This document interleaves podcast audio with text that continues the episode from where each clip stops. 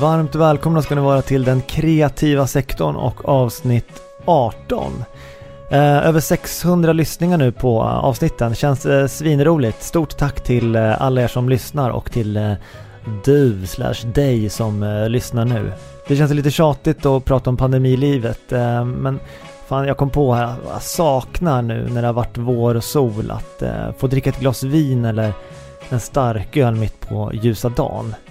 Um, ni vet sånt där som bara i Sverige är så socialt accepterat om man är antingen utomlands eller på en flygplats. Men det händer ju inte, eh, för mig i alla fall, särskilt ofta att jag sitter på en flygplats eller är ute och reser eh, nu för tiden eh, som jag tänker som så många andra. Eh, så då började jag tänka sig vad man ska göra för att förtjäna eh, för att liksom ta sig en iskall och svinstark öl eh, till hemmalunchen. Och jag tänker att det är okej okay att ta sig en liten tuting till lunchen om man typ swishar 129 kronor till något extremt klimatfarligt bolag. Och då tänker jag att på det sättet har man liksom lite dåligt samvete för klimatet, precis som när man reser. Och så kostar en öl sådär svindyrt mycket som bara en öl kan göra på en eh, flygplats.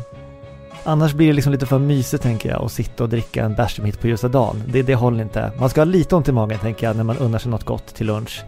Eh, annars blir det för trevligt. Det, det är ingen som förtjänar det. Det är faktiskt inte bara livet i pandemin som är lite annorlunda utan även det avsnittet. Jag tänker att det är dumt att eh, kanske fastna i ett format när podden ändå heter den kreativa sektorn. Eh, då måste man liksom vara i ständig utveckling slash avveckling eh, beroende på dagsform. Eh, så idag så kommer ni få följa en lite längre historia med lite avbrott. Ja, ni, ni kommer få se, jag behöver inte berätta för er vad som kommer hända. Ni har redan kastat er in i här. Och den här podden bygger på de tre ledorden spontant, prestigelöst och lustfyllt. Eh, så jag tycker att jag får faktiskt sitta på vad jag vill med min egen podd. Eh, så kaxig är jag. Hoppas ni får en fin tid tillsammans med oss här i den kreativa sektorn med Martin Edsman och Bengt Randahl. Det här är avsnitt 18 och det har jag valt att kalla för urverk och pandemipar. Varmt välkomna!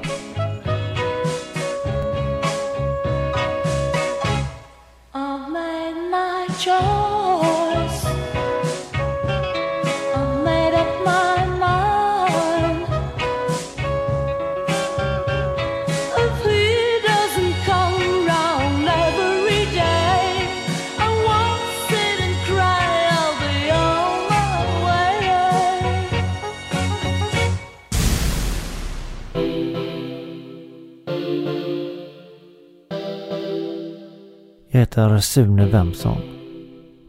I den här serien berättar jag om mitt eh, livs misslyckanden.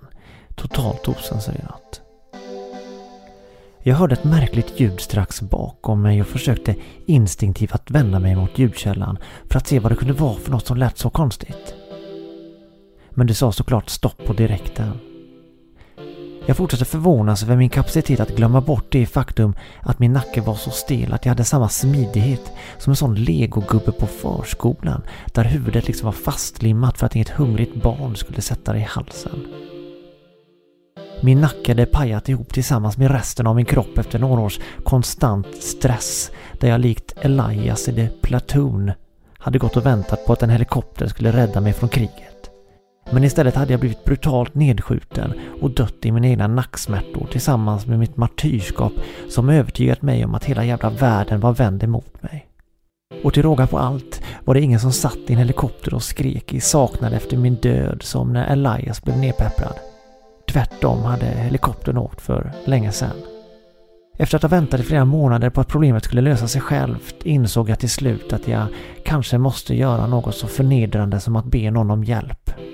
I samtal med min husläkare hade jag fått en rekommendation att gå till naprapat som han tyckte var bra. Jag hade ingen aning om vad naprapater gjorde utan hade samma bild av dem som när George i Seinfeld går till en healer som sätter en triangel över hans huvud och konstaterar “You're in disharmony”. Väl på plats är väntrummet väldigt avskalat möblerat. Några stilrena röda fåtöljer och en sån där växt som inte är plast men som får vatten så pass sällan att det nästan skulle varit bättre att bara ha en plastväxt istället för en sån deppad, knappt levande växt. Det kändes som att den lutade sig långsamt mot mig liksom för att få hjälp, desperat viskade i mitt öra. Men jag spelar noll samtidigt som jag tittar på en inramad artikel tillsammans med ett diplom som satt uppsatt på väggen. Intill naprapatlicensdiplomet satt en artikel där naprapaten förklarade om att det han gjorde inte var hokus pokus utan någonting som faktiskt fungerade. Jag förstod inte varför den här artikeln satt på väggen inramad. De som satt i väntrummet, de måste väl redan ha gått på detta om de väl satt här inne. Eller var det så att folk satt här inne utan ett syfte, sen läste de artikeln på väggen och därefter så bokade de en tid? Växten fortsatte stirra på mig och jag skulle precis ge den här växten onda ögat då det högg till i nacken när jag försökte vrida mig mot den igen.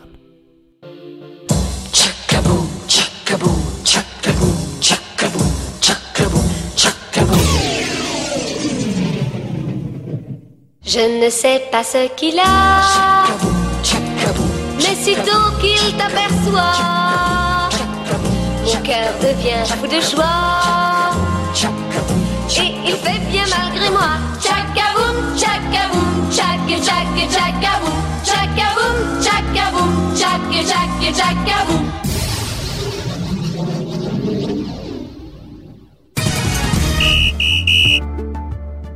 Året är 1994. Det är högsommar och förväntningarna på ett lag har aldrig varit högre. För att inte tala om förväntningarna på en specifik fotbollsspelare. I den nya radiodokumentären Sportiga killar pratar om sportminnen möter vi Peder Gren som spelade i division 1-laget Östgrytet IF varannan helg när han inte hade barnen år 1994. Han ser tillbaka på starka minnen som till exempel sina fotbollsskor. Nej men det var så roligt så för när jag skulle spela med grabbarna så hade jag toppat bort skorna va.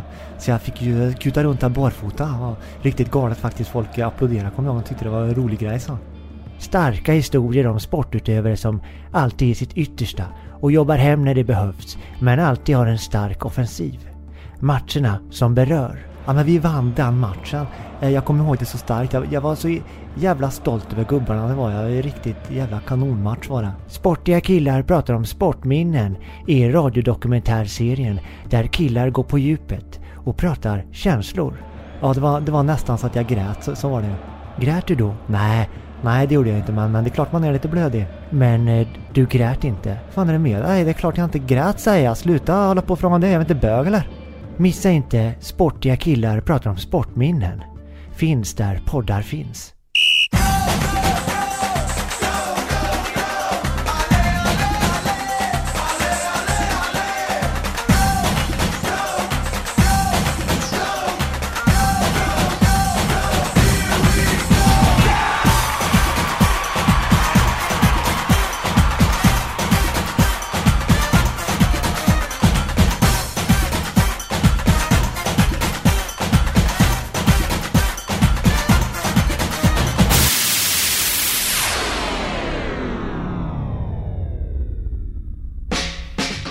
Hej, jag heter Martin. Det är lätt att klaga över hur ruttet det är med livet mitt i pandemin då man inte får träffa någon. Där ens favoritaktivitet är att ställa in saker istället för att planera dem. Alltså den enda gången jag går in i min kalender nu för tiden, det är för att stryka aktiviteter. Det är aldrig att jag får lägga till någonting. Men värst måste ändå singlarna ha det. De singlar som har blivit ombedda av Folkhälsomyndigheten att hänga med några få specifika personer det senaste året. Ingen dating på tapeten. Det här måste liksom betyda att när singlarna väl träffar folk så är det andra par. De här singlarna har liksom varit den där singeln på paraktiviteter i ett helt år nu. Det är sånt där som man har mardrömmar om. Det är typ det och att vara naken i klassrummet när alla har kläder på sig som är de värsta två mardrömmar som folk har.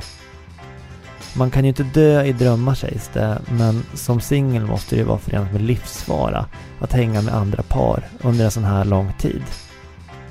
Jag tycker verkligen synd om, om dem. Bara att spana på andra blir svårt som singel i den här pandemin. Um, redan innan corona var det knepigt tänker jag. Eh, och då tänker jag på typ så här tjejer med solglasögon som aldrig ser ut som man har tänkt sig när de tar av sig dem. Eller killar som har caps och i princip alltid är flintis. Men det var ju sånt som man lärde sig efter ett tag liksom. Men nu är det det här med munskydd. Hur ska man liksom kunna spana in någon nu och veta vem som gömmer sig bakom munskyddet? Det blir liksom verkligen grisen i säcken tänker jag och fråga ut någon på dejt om man inte vet hur de ser ut ens. Plus att varje dejt man vågar sig på inomhus, det blir liksom ett lika stort commitment som att vara med i gift vid första ögonkastet. Eftersom man måste liksom bryta sin karantänzon för den personen.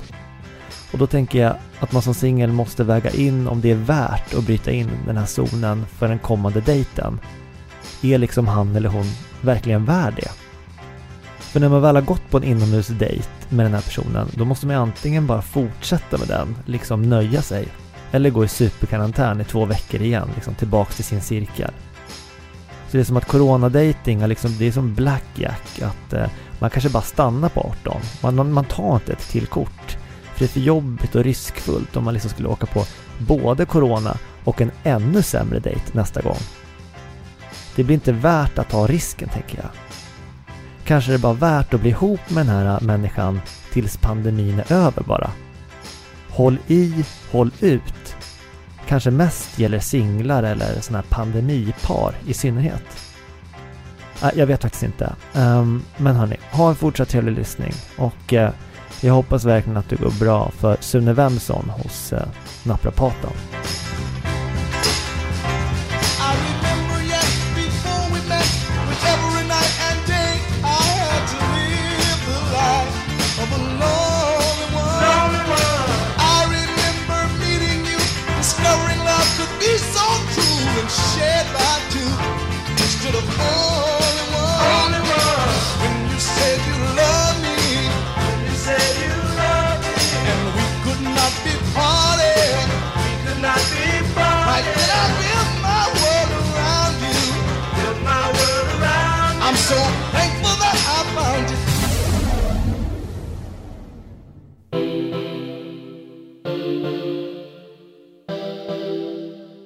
Plötsligt stod han framför mig, naprapaten.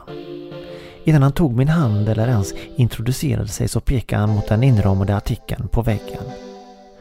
Har du sett? sa han. Det är jag som är med i tidningen. Jag nickade så gott jag kunde med min stela nacke och blev sedan visad in till hans rum. Du kan ta av dig kläderna Sune. Alla kläderna. Sen tittade han på mig med en blick som jag inte förstod men kände igen från artikeln i väntrummet. Tankarna snurrade i mitt huvud och jag förbannar mig själv för att jag inte läste igenom hela artikeln på väggen. Hade det stått någonting om att man var tvungen att ta emot den här behandlingen helt naken? Mycket klarade jag av, men att vara naken och ensam i ett rum med en benknäckarsaman, det var mer än vad jag klarade av just nu. Det kände jag. När jag bara skojar lite med dig. Du kan behålla kalsongerna på. Han skrattade lite när han sa det och det blev uppenbart för mig att det här var något han själv tyckte var betydligt roligare än vad jag tyckte att det var. Och klockan, ska jag ta av den också? Frågade jag. För jag har fan ingen aning om något just nu känner jag. Jag tar av den också. Eller nej, förresten. Behåll den på Sune så ska vi testa en grej, säger naprapaten. Nu blir jag ännu osäkrare än vad jag redan är. Jag kanske bara skulle ha stoppat upp den i röven som i Pulp Fiction innan jag gick in i rummet och hållit käften. Men det gör jag inte, utan klockan får istället sitta kvar på min vänstra handled. Naprapaten studerar mig där jag sitter på britsen i bara klockan och kalsongerna. Hans blick rör sig långsamt som om han med hjälp av bara sina ögon ska få mig att må bättre. Eller spanar han in mig? Är det det som händer just nu? Nej, det kan det fan inte vara. Nu får jag sluta vara så jävla självcentrerad. Det är klart han inte spanar in mig. Du har en fin kropp, säger han plötsligt. Fan, tänker jag. Spanar han faktiskt in mig? Eller är det sånt här som naprapater brukar säga till sina patienter? Vad fan stod det i den där jävla artikeln? Jag klämmer fram ett tack, tror jag. Fäster blicken i golvet och väntar på nästa steg i min och naprapatens dans, där det är uppenbart att det är han som för. Var är det du har ont då? Frågar naprapaten sen. Jag eh, svarar min nacke, Den är otroligt stel och jag har knappt kunnat vända mig om de senaste månaderna. Jag misstänkte faktiskt det, säger han och ber mig att lägga mig på rygg. Chakaboom, chakaboom, chakaboom, chakaboom,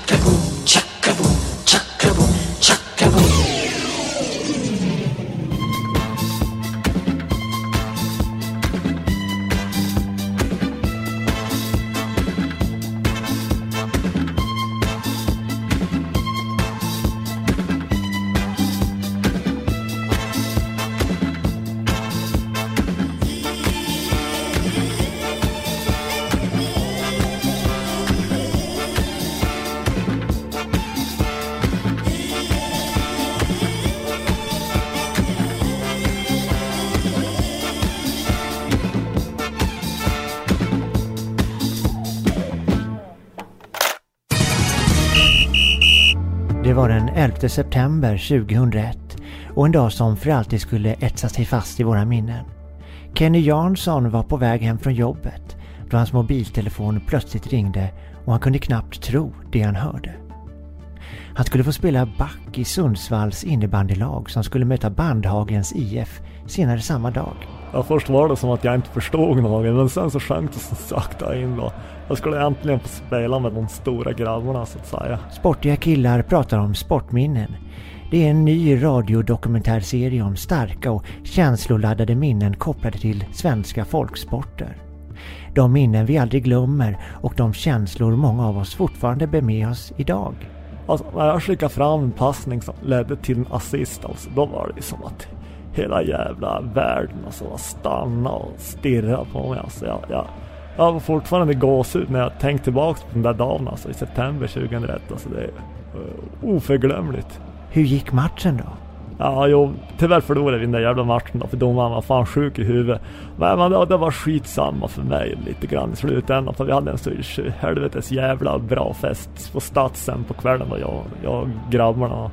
Är det några speciella minnen från den kvällen tillsammans med drömlaget? Ja, jag, jag minns fan ingenting alltså. Jag var så dyngrak alltså. Men fan vad känslor det var. Det, det var det verkligen riktiga jävla känslor. Du missar väl inte sportiga killar pratar om sportminnen? Finns där poddar finns.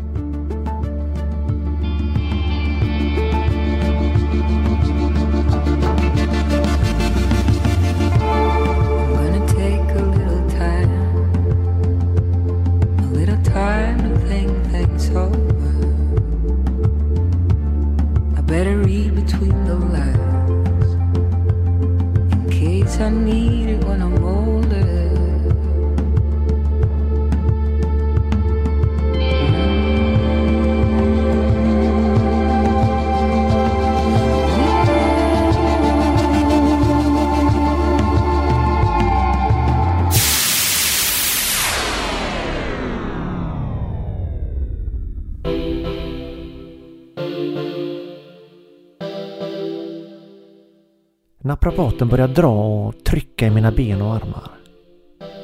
Jag lägger märke till hans lena handflator som rör sig mellan mina knän och armbågar genom att liksom smeka sig från punkt A till punkt B istället för att släppa taget mellan varje grepp. Det är en spänd stämning och jag vet inte riktigt vart jag ska ta vägen. Mm, jag misstänkte det, säger naprapaten efter ett tag med sin hand vilandes på min mage. Testa ta av dig klockan ska vi se. Jag tar av mig klockan och han testar att trycka ner min arm då jag ska hålla emot. Du orkar inte lika länge nu. Känner du det? Jag svarar ja direkt, då alla svar som kan få mig ut ur det här rummet snabbare känns rätt i det här läget. Det är en överlevnadsstrategi. Jag ska hämta min kollega, ska vi testa en grej? säger naprapaten. Mitt hjärta börjar slå snabbare än innan. Det är nu det händer tänker jag. Nu kommer Zed från Pulp Fiction och ska dunka på mig tillsammans med naprapaten. Fan att jag trodde att jag förtjänade att få hjälp med mina krämpor. Det här är fan Guds straff för att jag är sån jävla vekling. Jag skulle varit på jobbet nu och tjäna pengar. Inte trott att jag skulle få må bra. När min kollega kommer, säger naprapaten. Säg inget om klockan till honom bara. Jag hinner inte svara något innan hans kollega kommer in. Till min lättnad ser han trevlig ut och det verkar som att jag i alla fall inte kommer bli pådunkad av Zed med Z. Den här mannen gör samma procedur som naprapaten gjort på mig, men med betydligt färre smekningar. Plötsligt sticker naprapaten till med min klocka igen när hans kollega inte ser och så ber han sin kollega att kolla igenom mig en gång till. Chakaboom, chaka boom.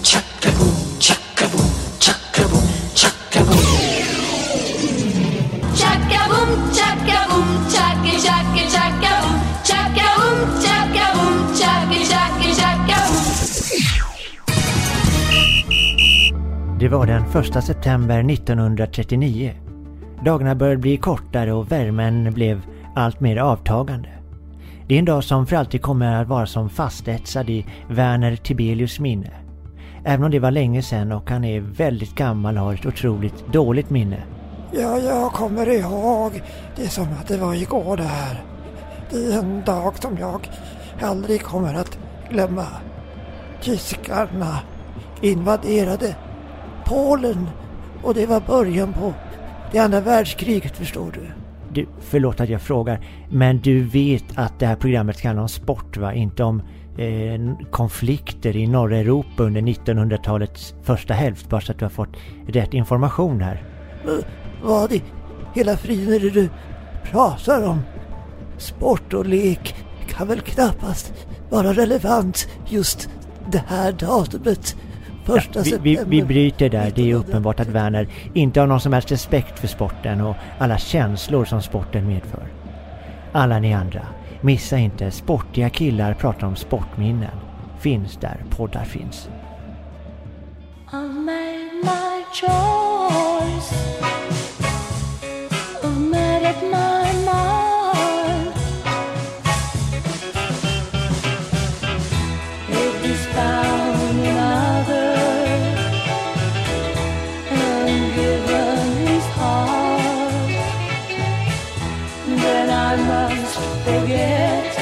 How it hurts, oh how it hurts, yeah how it hurts me so.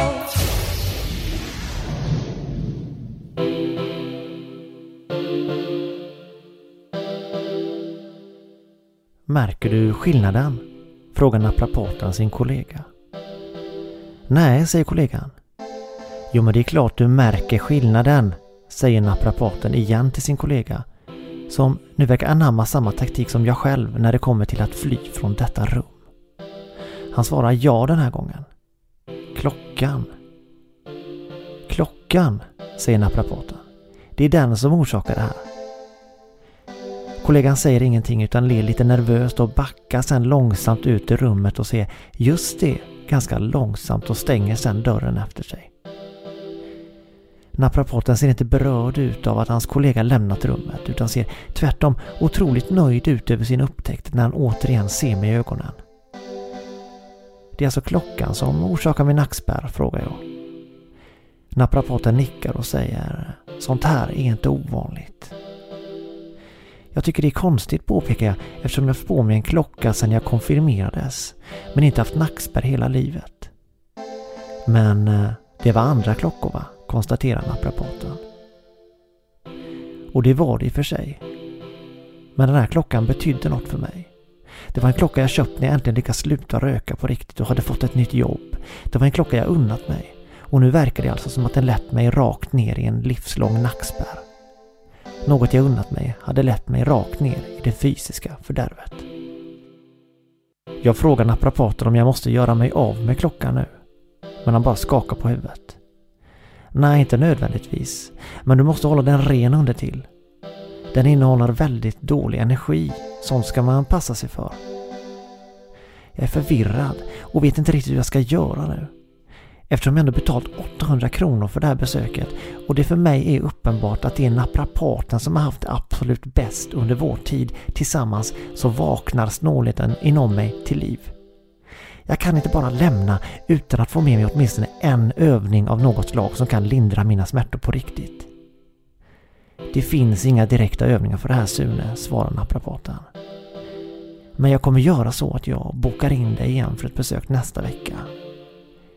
Då tar vi den sista tiden på dagen så det inte är en massa folk som springer runt här. Då är det bara du och jag. Jag tror vi kommer få det mysigt, vi två. Eftersom jag fortfarande inte har några kläder på mig så kan jag inte annat än säga ja medan jag så fort som möjligt avancerar mot min klädök och börjar klä på mig så fort det går utan att det ska ge intrycket av att det är så panikartat som det faktiskt egentligen är. Jag säger att det låter som en bra idé, skakar hand och säger att vi ses om en vecka igen. Jag heter Sune Wemson och vi ses aldrig igen naprapaten och jag. På grund av det enkla faktum att jag glömmer bort tiden då jag inte har någon klocka längre på vänster handled.